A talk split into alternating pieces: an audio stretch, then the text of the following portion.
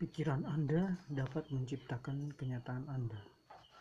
Lalu berpalinglah Tuhan kepadanya dan berfirman, Pergilah dengan kekuatanmu ini dan selamatkanlah orang Israel dari cengkraman orang Midian.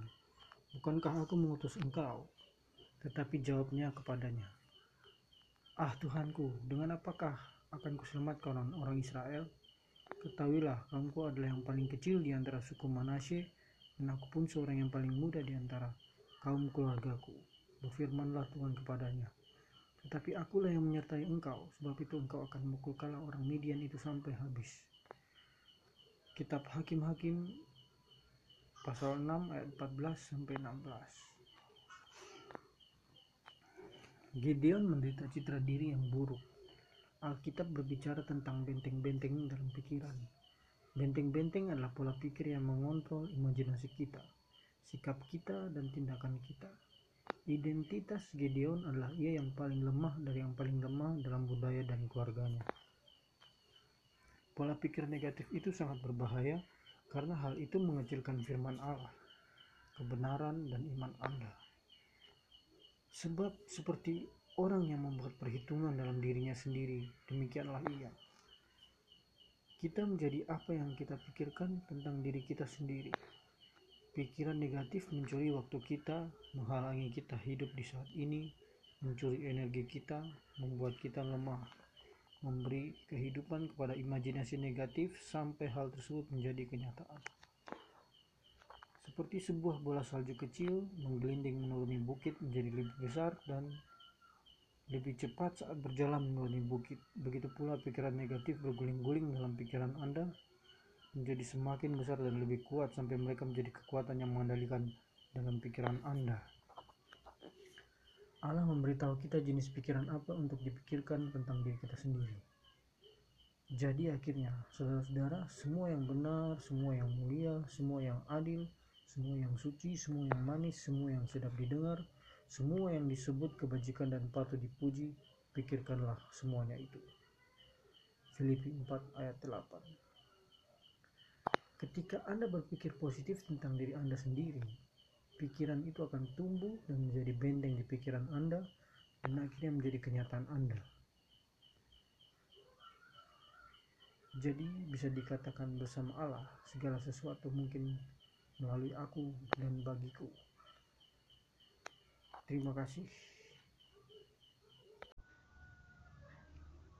Renungan hari ini adalah tujuan menunggu Sebab penglihatan itu masih menanti saatnya, tetapi ia bersegera menuju kesudahannya dengan tidak menipu. Apabila berlambat-lambat, nantikanlah itu, sebab itu sungguh-sungguh akan datang dan tidak akan bertangguh. Diambil dari Habakuk 2 ayat 3. Menunggu tidak selalu mudah, waktu Tuhan tidak selalu waktu kita. Sekarang ya Tuhan, bisa jadi jeritan hati Anda tetapi pikirkan jika janin menangis, aku bosan kegelapan atau jika ulat berseru, aku bosan kepompong ini. Dan dengan tidak sabar, keluar dari keamanan perkembangan mereka.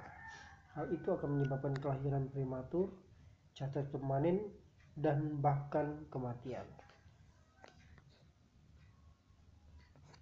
Allah membuat kita menunggu yang satu untuk memeriksa motivasi kita.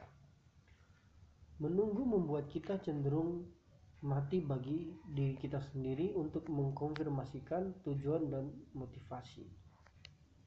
Yang kedua, untuk menyempurnakan impian kita sampai kekenapan waktunya. Yang ketiga, untuk membangun kesabaran dalam diri kita. Kesabaran adalah karakter yang ingin dibangun bersama dengan waktu dan kedewasaan. Keempat, untuk membuat kita bergairah akan keinginan kita. Kelima, untuk membangun keintiman dengan Allah. Menunggu membuat kita berdoa dan mencari Allah untuk jawaban. Keenam, untuk menciptakan ketergantungan kepada Allah. Menunggu membuat kita bergantung kepada Allah dalam kerendahan hati dan iman. Allah melihat gambaran besarnya, jika Anda berada dalam pemeliharaannya, waktu Anda pasti berada dalam tangannya. Dia tidak pernah terlambat dia selalu tepat waktu.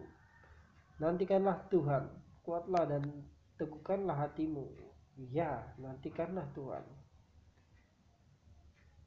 Mazmur 27 ayat 14 Allah akan tepat waktu. Intinya adalah jiwaku menantikan Tuhan dengan ekspektasi yang besar sampai dia menggenapi tujuannya di dalam hidupku. Terima kasih.